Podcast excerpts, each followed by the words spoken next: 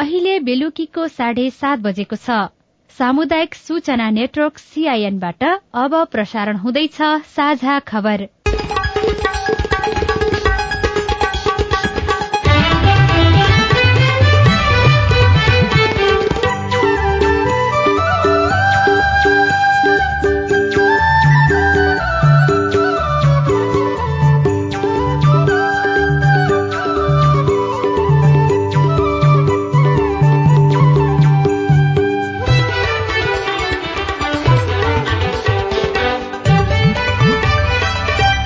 सीआईएनको साझा खबरबाट लील प्रकाश चन्दको नमस्कार। साझा खबर देशभरिका सामुदायिक रेडियो सीआईएनको फेसबुक पेज र मोबाइल एप सीआईएनबाट सुन्न सकिन्छ।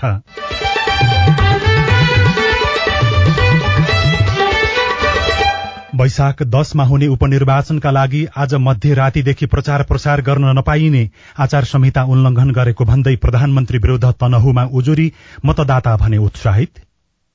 कृषि गर्दा गर्दै नजानेका भए पनि यो यसरी गर्ने हो भनेर आएर भनिदिने मन त हामीलाई सुविस्ता चाहिएको हो। यो र ऊ भन्ने चाहिँ हामीलाई छँदै छैन। चौबिस घण्टामा तीन सय उनासी ठाउँमा डढेलो उच्च पहाड़ी र हिमाली क्षेत्रमा पनि फैलिँदै डढेलो नियन्त्रण गर्न स्थानीय तहको भूमिका महत्वपूर्ण बढ्नुमा जलवायु परिवर्तनको असर भएको विश्लेषण। विकराल स्थितिमा छ अहिले। अकल्पनीय किसिमले चाहिँ देशभरि डढेलोको घटनाहरू बढिरहेका छन् र अब आउँदा दुई तिन हप्ता चाहिँ अझ यो समस्या हामीले झेल्नुपर्ने हुन्छ। अर्थमन्त्रीद्वारा तीन सदस्यीय विज्ञ समूह गठन वैदेशिक रोजगारीमा गएका करिब साठी हजार नेपाली सामाजिक सुरक्षा कोषमा आबद्ध साढे आठ करोड़ रूपियाँ संकलन। जुन विदेश अनुसार यहाँहरूको संख्या उल्लेख रहे पनि अहिले यो अवधिमा करिब साठी हजार जुन आबद्ध भइसक्नु भएको छ त्यो उल्लेख नै हो र आइपीएल क्रिकेटमा बेंगलोर विजयी दिल्ली र कोलकाताको खेल शुरू हुँदै एसीसी प्रिमियर लीगको आजको खेलमा मलेसिया अनि बहराइनको जित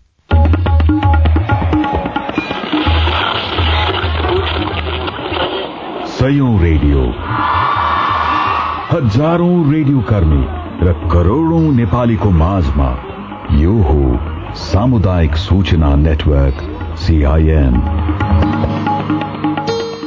नेपालमा कर्मचारी युनियन खारेज गर्ने विषय पटक पटक उठ्ने गरेको छ। कर्मचारी संगठनहरूको राजनीतिका कारण प्रशासन तन्त्रमा नकारात्मक प्रभाव परेको भन्दै संसदीय समिति र सांसदले पनि कुरा उठाइरहेका बेला कर्मचारी संघ संगठनले भने यसलाई आफूहरूको ट्रेड युनियन अधिकारसँग जोड्ने गरेका छन्। कर्मचारी प्रशासनमा सुधारको बहस चल्दै गर्दा कर्मचारी संगठनले राजनैतिक मुद्दा उठाउँदै मोलमोलाई गर्दै जानु भने राम्रो होइन। अब खबर अविनाश आचार्यबाट। गएको चौविस घण्टामा देशका तीन सय उना अस्सी ठाउँमा डढेलो लागेको छ भने दुई सय चौतिस स्थानमा सल्किएको आगो अझै निभेको छैन। आगलागीका कारण पनि काठमाडौँ उपत्यका सहित देशका प्रमुख शहरको वायु प्रदूषण कम हुन सकेको छैन। अहिले देशका एकतीसवटा जिल्लाका दुई सय चौतिस ठाउँमा डढेलो लागिरहेको वन तथा भू संरक्षण विभागले जनाएको छ। सबैभन्दा धेरै दाङमा मात्रै बयालिस ठाउँमा डढेलो लागिरहेको छ। सीआईएनसँग कुरा गर्दै वातावरण विभागका प्रवक्ता शंकर प्रसाद पौडेलले वन डढेलो नियन्त्रणका लागि विशेष पहल गर्न स्थानीय तहहरूलाई अनुरोध गर्नुभयो। विज्ञहरूले भने यसपटक डढेलो बढ़ेकाले यो कारण जलवायु परिवर्तनको असरका रूपमा व्याख्या गरेका छन्। वन तथा वातावरण विज्ञ सुन्दर शर्माले सीआईएनसँग भन्नुभयो। कस्तो भनेदेखि हामीले प्रयास गर्दा गर्दै पनि कतिपय यस्ता विपदहरूलाई हामीले नियन्त्रण गर्न सक्दैनौँ। जलवायु परिवर्तनको कारणले यो वर्ष प्रि मनसुनमा त्यति धेरै पानी पर्न सकेन होइन? धेरै सुक्खा भयो। र गत वर्ष आगलागीको घटनाहरू थोरै भएको थियो है। यो राम्रो पक्ष हो। त्यसले गर्दाखेरि हाम्रो जङ्गलमा चाहिँ जुन ज्वलनशील पदार्थहरू हुन्छ इन्धनहरू त्यो जम्मा भएर बसिरहेको छ र यो सुक्खा मौसमको कारणले गर्दाखेरि त्यहाँ अलिकति आगोको झिल्का पर्ने बित्तिकै यसले चाहिँ विकराल रूप लिन्छ। त्यसले गर्दाखेरि यो वर्ष चाहिँ डमेलोको घटनाहरू अहिले अहिले विकराल स्थितिमा छ अहिले। अकल्पनीय किसिमले चाहिँ देशभरि डमेलोको घटनाहरू बढिरहेका छन् र अब आउँदा दुई तिन हप्ता चाहिँ अझ यो समस्या हामीले झेल्नुपर्ने हुन्छ। केही दिन अघिसम्म तराई र मध्य पहाड़ी क्षेत्रमा फैलिएको डढेलो अहिले उच्च पहाड़ी र हिमाली क्षेत्रमा पनि देखिन थालेको छ। यही वैशाख दश गते हुने उपनिर्वाचनका लागि आज राति बाह्र बजेबाट निर्वाचन प्रचार प्रसार निषेध अवधि शुरू हुँदैछ।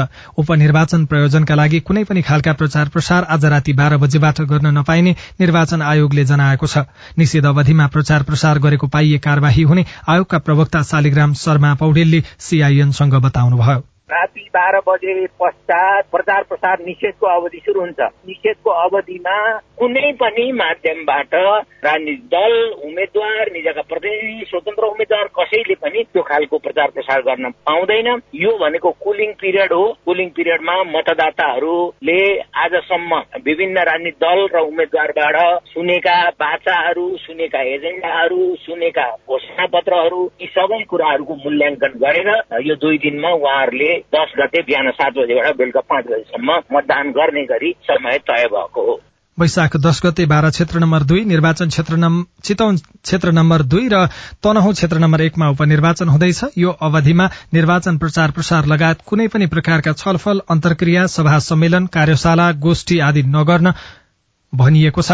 निर्वाचन आयोगका अनुसार उपनिर्वाचन हुने तीन निर्वाचन क्षेत्रमा आठ सय बयानब्बे जना नयाँ मतदाता थपिएका छन्। चितवन क्षेत्र नम्बर दुईमा चार सय सत्तरी बाह्र क्षेत्र नम्बर दुईमा दुई सय सैतिस र तनहु निर्वाचन क्षेत्र नम्बर एकमा एक सय पचासी जना मतदाता थपिएका हुन्।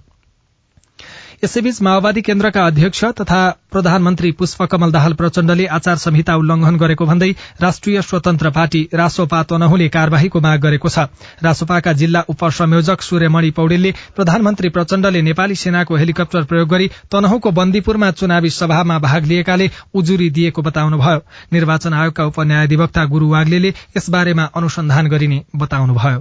उजुरी परेको विषय आयोगमा जानकारी छैन।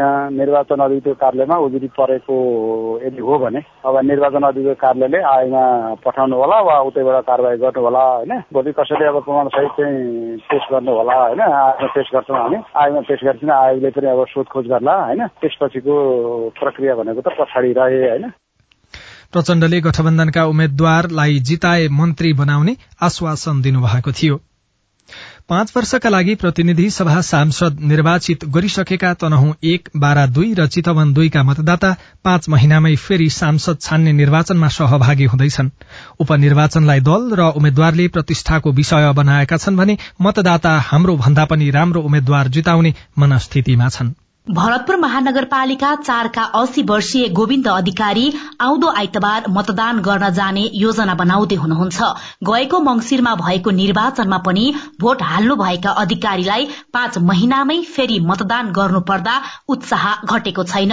तर पटक पटक प्रतिनिधि चुनेर पठाएका सांसदले गाउँठाउँको विकासमा ध्यान नदिएको गुनासो भने छ हामीले भनेकाले कुनै कुरा नि पुगेको छैन कहिले पनि अझ पनि पुग्ने कि होइन थाहा छैन। कृषि क्षेत्रको लागि मल दिने बिउ दिने अथवा हामीले कृषि गर्दा गर्दै नजानेका भए पनि यो यसरी गर्ने हो भनेर आएर भनिदिने मन त हामीलाई सुविस्ता चाहिएको हो। यो र ऊ भन्ने चाहिँ हामीलाई छँदै छैन। बाउ हो नि सरकार त। हो कि खोइ हामीलाई दया गरेको? भरतपुर तिनका कमला सापकोटा पनि धेरै उम्मेद्वार मध्ये योग्य र सक्षम उम्मेद्वारलाई मत दिने तयारीमा हुनुहुन्छ। उहाँलाई जितेर जानेले निर्वाचनका बेला गरेका प्रतिबद्धता पूरा गर्ने आशा छ। जोसुकै दलको गए पनि हामीलाई कुनै सरकार भएन होइन? उहाँले यो देशलाई केही परिवर्तन गर्नुहोस्। हामी चाहिँ त्यही हेर्न चाहन्छौँ। अध्ययनका लागि चितवन आउनु भएका सुयोग कडेल पनि मतदानका लागि तनहु जाँदै हुनुहुन्छ। निर्वाचित सांसदले रोजगारीका अवसर सिर्जना गर्ने कुरालाई प्राथमिकतामा राख्ने उहाँको आशा छ। सबै मानिसहरू पढेर पनि खाडीमा गइरहेका छन्। देशमा केही विकास पनि हुन सकिरहेको छैन र रोजगारको सिर्जनाहरू पनि अवसर दिलाउन सकिरहेको छैन। नेपाल सरकारले। भरतपुर सातका सरस्वती दुरा निर्वाचन पछि सांसदले फर्केर नहेर्ने परिपाटी अब अन्त्य हुनुपर्ने बताउनुहुन्छ। जितेपछि पनि नागरिकका सुख दुःखमा साथ दिने र समस्या समाधानका लागि पहल गर्ने उम्मेद्वारलाई चुन्ने उहाँ बताउनुहुन्छ। अहिलेसम्म चाहिँ कति भोट हालेर आइयो? अब पार्टी हेर्ने होइन हामीले एउटा चाहिँ जनता हेरेर र हेरेर हामीले देशलाई केही अनुहारहरू केही विकास हुन्छ कि भनेर हामी चाहिँ लागेका छौँ। माघ तेह्रमा सांसदविहीन बनेको चितवन दुईमा यसपटक बाइस जना उम्मेद्वार प्रतिस्पर्धामा छन्। एक लाख चौबिस हजार छ सय पञ्चानब्बे जना मतदाता मध्ये चार सय सत्तरी जना नयाँ मतदाता छन्। मतदाताले नयाँ सांसदले आफूहरूका सुख दुःखमा साथै रहने आशा गरेका छन्। पुनः मगर रेडियो साहिनो सीआईएन चितवन। जाजरकोटको नलगाड नगरपालिका नम्बर बाह्र तल्लु ठूला बगरमा जोड्दै गरेको पुल बेली ब्रिज भाँचेदा दुईजनाको मृत्यु भएको घटनामा गृह मन्त्रालयले चासो देखाएको छ। आज भएको घटनामा दुईजना गम्भीर घाइते भएको स्थानीय नवीन विकले बताउनुभयो। सीआईएनसँग कुरा गर्दै गृह प्रवक्ता जितेन्द्र बस्नेत। त्यो के कारणले चाहिँ अब त्यो क्रास भयो भन्ने कुरा चाहिँ अहिले पत्ता लागिसकेको छैन। यदि ठेकेदारको लापरवाहीको कारण भएको रहेछ भनेदेखि गृह मन्त्रालयले कार्यवाही प्रक्रिया अगाडि बढाउँछ? टेन्डर लगाएको कसले हो होइन? कुन आयोजना हो के हो? पहिला हामी त्यो बुझ्दैछौँ। अब के भएको हो? त्यसको चाहिँ अब प्राविधिक पक्षको चाहिँ अनुगमन कसले गरिरहेको थियो त्यहाँ हेर्ने काम होइन त्यो सबै हेरेपछि बल्ल अनि के गर्ने भन्ने कुरा रेडियो हाम्रो पाइलाका अनुसार घटनास्थल जाजरकोट डोल्पा सड़क भेरी करिडोरमा पर्छ। घाइतेहरूको स्थानीय स्वास्थ्य संस्थामा उपचार भइरहेको छ। साझा खबरमा अब खेल खबर एसएससी प्रिमियर कप क्रिकेटमा मलेसिया आठ विकेटले विजयी भएको छ। साउदी अरेबियाले प्रस्तुत गरेको एक सय चौवन्न रनको लक्ष्य मलेसियाले एक्काइस दशमलव दुई ओभरमा दुई विकेट गुमाएर भेट्टाएको हो। प्रतियोगिता अन्तर्गत आजै त्रिवी क्रिकेट मैदानमा बहराइनले सिंगापुरलाई एक सय बत्तीस रनले पराजित गरेको छ। ए डिभिजन लीग फुटबलमा थ्री स्टार क्लबले हिमालयन शेर्पा क्लबलाई एक शून्यले पराजित गर्दै दोस्रो स्थानमा उक्लिएको छ। प्रतियोगिता अन्तर्गत दोस्रो खेलमा समाचार तयार पार्दासम्म दशरथ रंगशालामा चर्च बोइज र सातो बाटो खेलिरहेका छन्। र आइपीएल क्रिकेटमा रोयल च्यालेन्जर्स बेंगलोरले पंजाब किङ्सलाई चौबिस रनले हराएको छ। एक सय पचहत्तर रनको लक्ष्य पाएको पंजाबलाई उन्नाइसौं ओभरमा एक सय पचास रनमा अल आउट गर्दै बेंगलोर विजयी भएको हो। प्रतियोगितामा आजै दिल्ली र कोलकाता खेल्दैछन्।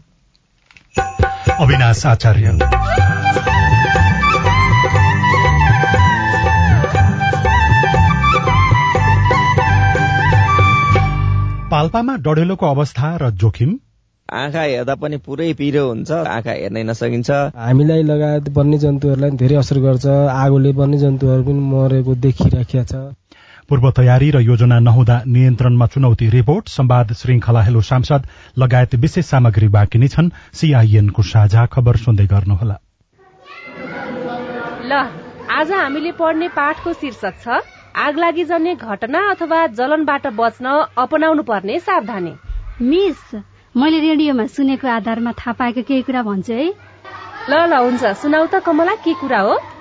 तातो वस्तु तातो तरल पदार्थ तथा आगोको वरिपरि हामी जस्ता बालबालिका वृद्ध छारे रोगका बिरामी तथा अशक्त आदिलाई एक्लै छोड्दा आगोमा परि जलन हुन अथवा पोल्न सक्छ भन्ने सुनेको थिएँ। आहा कस्तो राम्रो। सबैले ध्यान दिएर सुन है। अनि मिस सलाई लाइटर जस्ता वस्तुहरू बालबालिकाको नजिक राख्नु हुँदैन। त्यस्तै मट्टीतेल पेट्रोल डिजल जस्ता अति प्रज्वलनशील पदार्थ आगोको नजिक राख्नु हुँदैन भन्ने सुनेको थिएँ। कमलाले भनेको कुरा सोरै आना सही छ। आग लागि भएर पछुताउनु भन्दा सावधानी अपनाउनु नै बुद्धिमानी हो भन्ने आजको पाठको निष्कर्ष हो। हुन्छ बिबिएस नेपाल र सिआइएन नेपाल टेलिकमको सूचनाको संसार। होइन के सुनेको यस्तो ध्यान दिएर दोहोरो बोलेको जस्तो नै देख्दिन। तीन दुई एक शून्य शून्य क्या? तीन दुई एक शून्य शून्य? के हो त्यो भने? बुझिन त।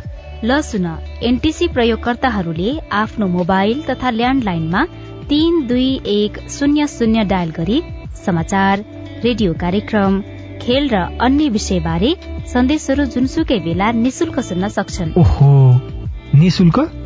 कस्तो सजिलो? समाचार सुन्न छुट्यो भनेर पिर लागेको थियो। अब त म पनि सुनिहाल्छु। कति रे? तीन दुई एक शून्य शून्य।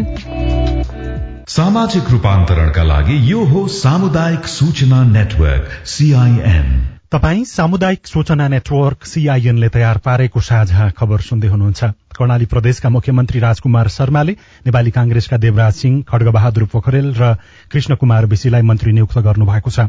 सिंहलाई आर्थिक मामिला तथा योजना पोखरेललाई सामाजिक विकास र उद्योग पर्यटन वन तथा वातावरण मन्त्रीका रूपमा विशी नियुक्त हुनुभएको छ। राज्य मन्त्री उर्मिला विश्वकर्मालाई मन्त्री बनाएर जलस्रोत तथा ऊर्जा विकास मन्त्रालयको जिम्मेवारी दिइएको छ। आगामी आर्थिक वर्षको बजेट बनाउनका लागि अर्थमन्त्री डाक्टर प्रकाश शरण महतले मन्त्री स्तरीय निर्णयबाट विज्ञ समूह गठन गर्नुभएको छ। विज्ञ समूहमा राष्ट्रिय योजना आयोगका पूर्व उपाध्यक्ष विश्व पौडेल राष्ट्र बैंकका कार्यकारी निर्देशक डाक्टर गुडाकर भट्ट र अर्थविद डाक्टर पोषराज पाण्डे रहनु भएको छ। संवैधानिक व्यवस्था अनुसार जेठ पन्ध्र गते आर्थिक वर्षको बजेट सार्वजनिक गर्नुपर्छ। यसअघि महतले सहसचिव भूपाल बरालको नेतृत्वमा बजेट लेखन समिति बनाइसक्नु भएको छ। सामाजिक सुरक्षा कोषमा एक महिनामा करिब उनासाठी हजार भन्दा धेरै वैदेशिक रोजगारीमा गएका नेपाली श्रमिक आबद्ध भएका छन्। अन्ठाउन्न हजार नौ सय छयासी वैदेशिक क्षेत्रका श्रमिक योजनामा आबद्ध भएको सामाजिक सुरक्षा कोषले जानकारी दिएको छ। सरकारले गत चैत आठ गते वैदेशिक रोजगारीमा रहेका तथा विदेशमा स्वरोजगारमा रहेका श्रमिकलाई सामाजिक सुरक्षा योजनामा समेट्न थालेको थियो। वैदेशिक रोजगारीमा रहेका श्रमिकलाई समेत कोषमा आबद्ध गर्दै योगदानमा आधारित सामाजिक सुरक्षाको दायरा विस्तार गर्ने सरकारको लक्ष्य छ। यो अवधिमा वैदेशिक क्षेत्रका श्रमिकबाट मात्रै आठ करोड़ पचास लाख रूपियाँ योगदान संकलन भएको छ। विभिन्न अध्ययन र अभिलेखलाई आधार मान्दा अहिलेसम्म नेपालमा गुराँसको चौतिस प्रजाति भेटिएका छन् र तीमध्ये सबैभन्दा धेरै पाइने प्रजाति लाली गुराँस हो। यो समुद्री सतहबाट बाह्र सयदेखि पैंतिस सय मिटरको उचाइसम्म पाइन्छ। साधारणतया पुष माघमा फुल्ने गुराँस यस वर्ष केही ढिला गरी फुलेपछि म्याग्दीका वनपाखा हिजो आज रंगी चंगी देखिएका छन्। माग्दीको अन्नपूर्ण रघुगंगा मंगला मालिका र धौलागिरी गाउँपालिकाका विभिन्न क्षेत्र अहिले गुराँसले ढाकिएको देख्न सकिन्छ। मालढुङ्गाबाट मुस्ताङतर्फ उकालो लागेका पर्यटकहरू तिनै वनमा गुराँसको सौन्दर्यसँगै रमाइरहेका भेटिन्छन्। यो मौकामा हामीले यो गुराँस यो हिमालसँग जसरी हामीले फोटो भिडियोहरू गराउँदा पाउँदा एकदमै रमाइलो भयो। माग्दीको घोरेपानी पुनहिल र रामचे क्षेत्रलाई गण्डकी प्रदेशको राजधानी भन्ने गरिएको छ। घारकी स्थानीय दिलमाया बिटालु र यहाँबाट चाहिँ विभिन्न खालको हिमालहरू देखिने र त्यसै गरी लाली गुराँसको मनोरम दृश्यहरू देखिने होइन। र त्यसै गरिकन विभिन्न ठाउँहरू देखिने म्याग्दी जिल्लाकै लगभग धेरै एरिया चाहिँ यहाँबाट देखिने। म्याग्दी जिल्लामा अहिले तीन सय चौधवटा सामुदायिक वन छन्। सबै वनमा गुराँस पाउने गरिएको डिभिजन वन कार्यालयले जनाएको छ। वन कार्यालयका सहायक वन अधिकृत मनोज राणाबाट हिउँदमा वर्षा पनि नभएको र हिमपात पनि कम भएको हुनाले अलि कोपिला नै कम लागेको र गत वर्षहरू भन्दा धेरै चाहिँ कम चाहिँ यो लाली गुराँसहरू यो वर्ष चाहिँ देखिन गएको छ। स्थानीय स्तरमा गर्मी छल्नका लागि पनि गुराँसको शरबत खाने गरिएको छ। वन पाखाभरि गुराँस फुलेसँगै आन्तरिक तथा बाह्य पर्यटकहरूको चहल पहल पनि बढेको छ। राकेश शर्मा म्याग्दी एफएम म्याग्दी। म्याग्दीमा गुराँसले वन ढाकिँदा पाल्पाका सामुदायिक वनमा भने केही दिन यता डडेलो बढेको छ। डडेलोले वन विनाशका साथै वातावरण प्रदूषण पनि बढाएको छ। आँखा हेर्दा पनि पुरै पिरो हुन्छ रुगा लागेछ यो पाल्पामा केही दिनदेखि लगातार लागिरहेको डडेलोले रिब्दीकोटका अर्जुन पौडेल जस्तै पाल्पाका नागरिकलाई शास्ति भइरहेको छ। डिभिजन वन कार्यालय पाल्पाका अनुसार अहिले पाल्पाको निस्दी माथागढी तानसेन तिनाउ रैनादेवी छहरा लगायत छपन्न ठाउँमा डडेलो लागिरहेको छ। डडेलो निभाउन कसैले पनि खासै चासो नदेखाएको पाल्पा मुजुङका विनोद कार्की बताउनुहुन्छ। हामीलाई लगायत वन्य जन्तुहरूलाई धेरै असर गर्छ। आगोले वन्य जन्तुहरू पनि मरेको देखिराखेका छ। बाहन्न दशमलव दस प्रतिशत क्षेत्रफल वनले ओगटेको पाल्पाका सत्ताइस सामुदायिक वनको सात सय छब्बिस हेक्टर क्षेत्रफलमा डडेलो लागेको छ। पाल्पाका एकासीवटा मध्ये तेत्तिस प्रतिशत अर्थात बत्तीसवटा ओडा डडेलोको उच्च जोखिममा रहेको डिभिजन वन कार्यालयले जनाएको छ। जसका कारण वन नजिकका बस्तीमा जोखिम बढाइएको पाखुरे सामुदायिक वनका अध्यक्ष नलबहादुर राणा बताउनुहुन्छ। मान्छेबाट नै डढेलो लाग्ने। यसलाई रोकथामको लागि चाहिँ स्थानीय सरकार प्रदेश सरकार संघीय सरकार सबै सरकार पक्षबाट ध्यान जान जरुरी छ। डढेलोले सयौं हेक्टर वनका बोट बिरुवा जडीबुटी सुकेका रुख र बिरुवाका पालुवा जलेर नष्ट भएका छन् भने जीव जन्तुको वासस्थान विनाश गरेको छ। डढेलो नियन्त्रण गर्न सबैको सहयोग हुनुपर्ने डिभिजन वन कार्यालय पाल्पाका रेन्जर एमलाल पोखरेल बताउनुहुन्छ मानवीय हिसाबले लाग्ने डढेलोलाई नियन्त्रण गर्नको लागि डिभिजन वन कार्यालय पाल्पा र विभिन्न सामुदायिक वन उपभोक्ता समूहहरू र स्थानीय तहहरूले जनचेतनामूलक कार्यक्रमहरू अगाडि बढाइराखेको अवस्था वन एन दुई हजार त्रिहत्तरमा वनमा डढेलो लगाउनेलाई तीन वर्षसम्म कैद र साठी हजार रुपियाँसम्म जरिवाना हुने व्यवस्था छ। यो प्रावधानलाई कडाईका साथ लागू गर्ने र स्थानीय स्रोत साधन परिचालन गरी डढेलो नियन्त्रण गर्ने प्रयास थालिएको डिभिजन वन कार्यालय पाल्पाका प्रमुख नारायण देव भट्टराई बताउनुहुन्छ यो वर्ष धेरै खडेरी पनि पर्यो हिउँदमा पनि पानी परेन त्यसले गर्दा धेरै ज्वलनशील पदार्थहरू वनमा रहिरहेको छ त्यो कारणले पनि धेरै आगलागी भएको अवस्था छ। नजानेर भुलेर भनेर कसैले पनि आगो लाउने काम नगर्नु होला। अग्नि नियन्त्रणका लागि उपकरण र जनशक्ति दुवै छैनन्। तानसेन नगरपालिकाको एउटा बाहेक अन्य नौवटै स्थानीय तहसँग दमकल पनि छैन। स्रोत साधन नहुँदा र आम नागरिकले मात्र नियन्त्रण गर्न नसक्ने भएकाले पनि पाल्पामा वर्षेनी डढेलेको जोखिम र क्षति बढ्दै गएको छ। Bhuwan Raymajhi CIN radio Muktinath Palpa. साझा खबरमा अब हेलो सिआइएन उषा तामाङबाट। नमस्कार मेरो नाम जिलेन्द्र सिंह ढाल नौगाड एक दार्चुला। मैले शिक्षक सेवा आयोगको प्राथमिक तहको चाहिँ अनलाइन फर्म भरेको छु। फर्म भर्दा फोटो राख्ने ठाउँमा चाहिँ ग्रेड सिट अपलोड भएको छ। राजस्व बैङ्कमा लगाइसकेको हुनाले फोटो अनलाइनमा राख्न मिलिरहेको छैन। त्यसको लागि मैले के गर्नुपर्छ? तपाईँको समस्या समाधान गर्दै हुनुहुन्छ शिक्षक सेवा आयोगका सूचना अधिकारी सुदर्शन मरहट्टा। फोटो त्यसपछि सिग्नेचर ती अनिवार्य शर्तहरू सम्भवतः प्रवेश निरीक्षण पनि फोटोको ठाउँमा चाहिँ ट्रान्सक्रिप्सन हुँदा तपाईँले त्यसलाई क्यान्सिल गरेर अर्को आइडीबाट फर्म भर्नुभयो भनेदेखि तपाईँको लागि उपयुक्त हुन्छ। लोकेश डाङ्गी मेरो घर चाहिँ रोल्पा जिल्ला। पहिला शिक्षा मन्त्रालयले चाहिँ प्लस टूमा अन्य विषय अध्ययन गरेका विद्यार्थीहरूलाई दस महिने शिक्षा सम्बन्धी तालिम दिइसकेपछि शिक्षक लाइसेन्सको अध्ययन अनुमति पत्रको इक्जाम गर्न पाइने व्यवस्था थियो। अहिले त्यो व्यवस्था छ कि छैन? लोकेशजी शिक्षक सेवा आयोगका अनुसार शिक्षक अध्यापन अनुमति पत्र सम्बन्धी यो व्यवस्था हालसम्म कायमै छ। जनकुमार शाह हाम्रो सन् चारबाट बोलिरहेको हो। हाम्रो वडा स्थित विद्यालयले अभिभावक शुल्कको बाहनामा अनिवार्य चरको भर्ना शुल्क लिई विद्यार्थीहरूलाई मनोवैज्ञानिक दबाव सिर्जना गरेको देखिन्छ। अनेक बाहनामा चरको शुल्क लिन पाइन्छ लिन पाइँदैन। यस विषयमा हामीले रामारोशन गाउँपालिका शिक्षा शाखा प्रमुख नवीन ओझालाई सोधेका छौं। विद्यालयले आफ्नो विद्यालयको वरिपरिको क्षेत्रभित्रको एउटा जग्गा चाहिँ कुनै व्यक्तिको खरिद गरेको रहेछ। पत्ता एकमा सय रुपियाँ हुँदा दससम्म पुग्दा चाहिँ हजार रुपियाँको दरले लिएको भन्ने सुन्नमा आएको छ। आधिकारिक हामीले विद्यालयलाई बुझ्दा त्यो कुरा हो। अब भर्ना शुल्क भनेर लिएको छैन। अभिभावक सहयोग शुल्क भनेर अभिभावक भेलाबाट निर्णय गरेर लिएको कारणले अब हामीले अभिभावकले नै खुसीले दिन्छौँ भने केही भन्न नमिल्ने स्थिति हो। तपाईँ जुनसुकै बेला हाम्रो टेलिफोन नम्बर शून्य एक बान्न साठी छ चार छमा फोन गरेर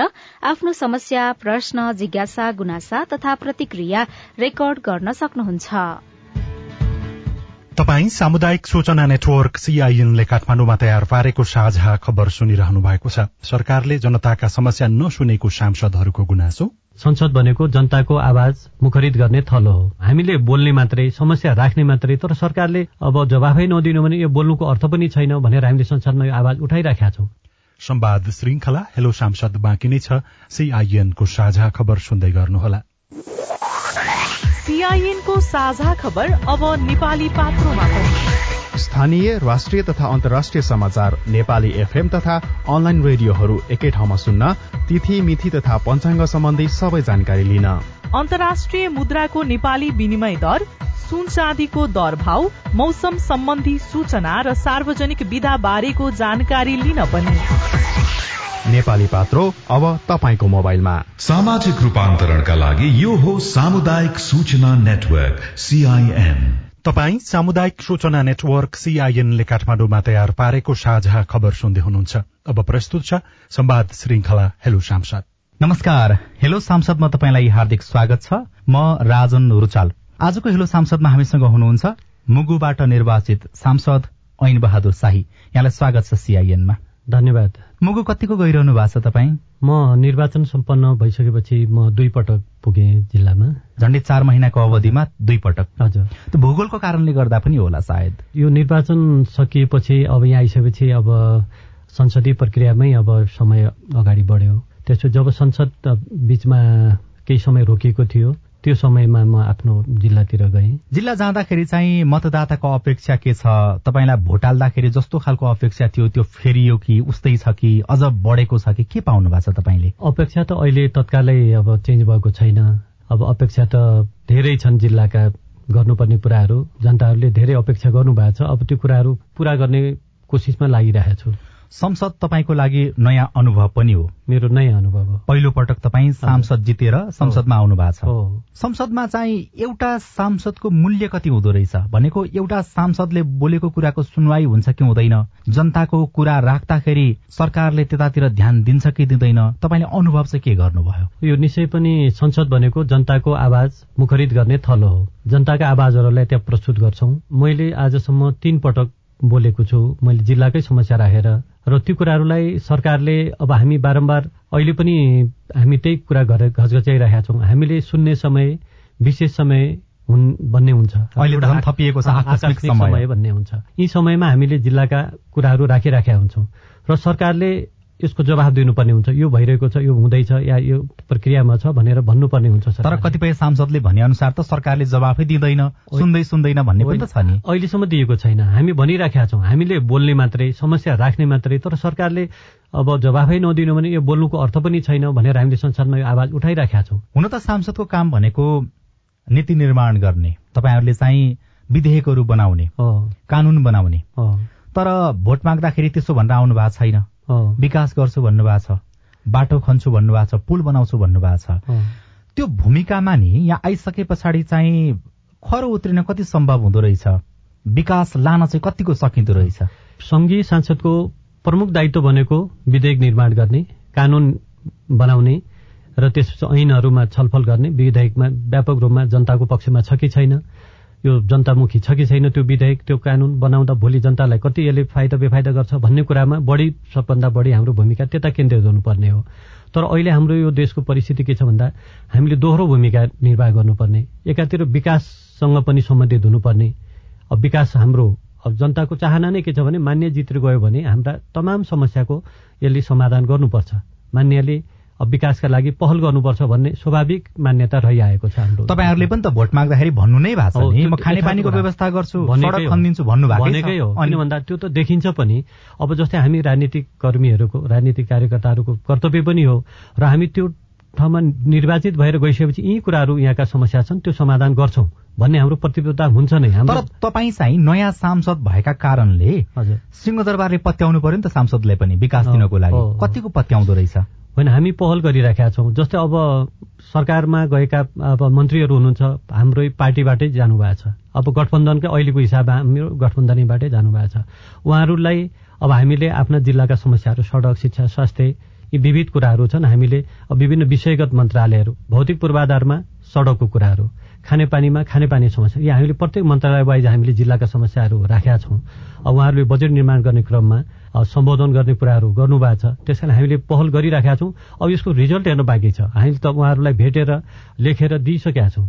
तर उहाँले भोलि बजेटमा कतिको सम्बोधन गर्नुहुन्छ त्यो हेर्न बाँकी छ। मन्त्रीले पत्याउने कुरा त पार्टीको भएको कारणले गठबन्धनको भएको कारणले पत्याउनु पनि होला।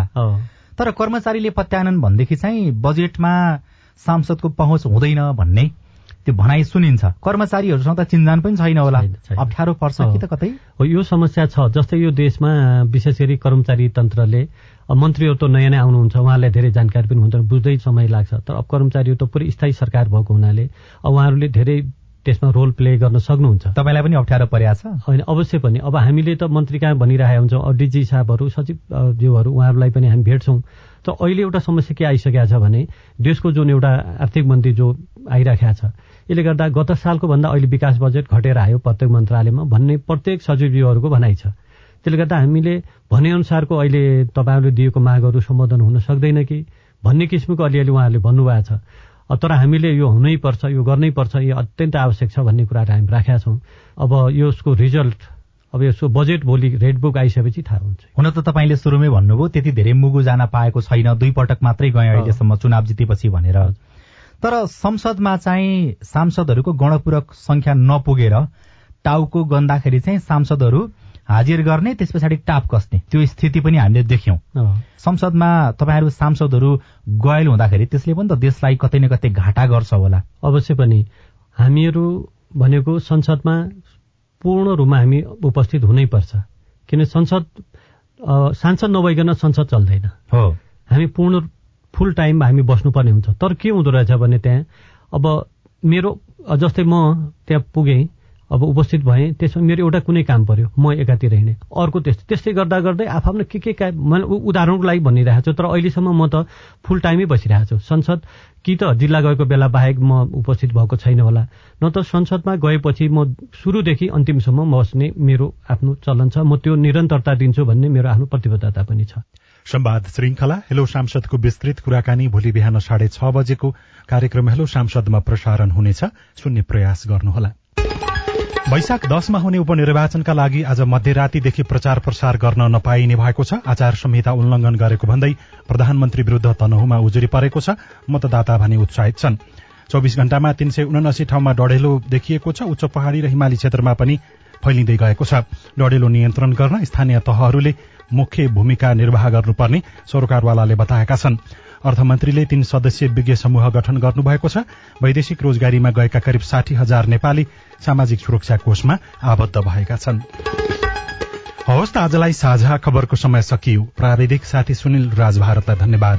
भोलि वैशाख आठ गते बिहान छ बजेको साझा खबरमा फेरि भेटौँला। अहिलेलाई लील प्रकाश चन्द पनि विदा हुन्छु। नमस्कार शुभरात्री।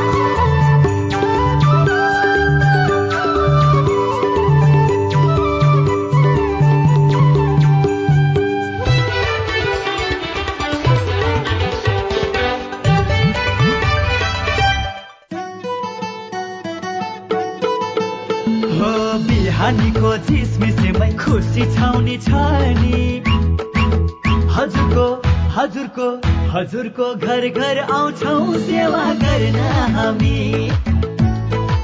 हाम्रो एक दशक भन्दा बढीको सम्बन्ध कहाँ खेर जान दिन्छौ र हामी आउँदैछौ तपाईँहरूको घर घरमा खुसीको कनेक्सन लिएर। जेसो खुसीको कनेक्सन।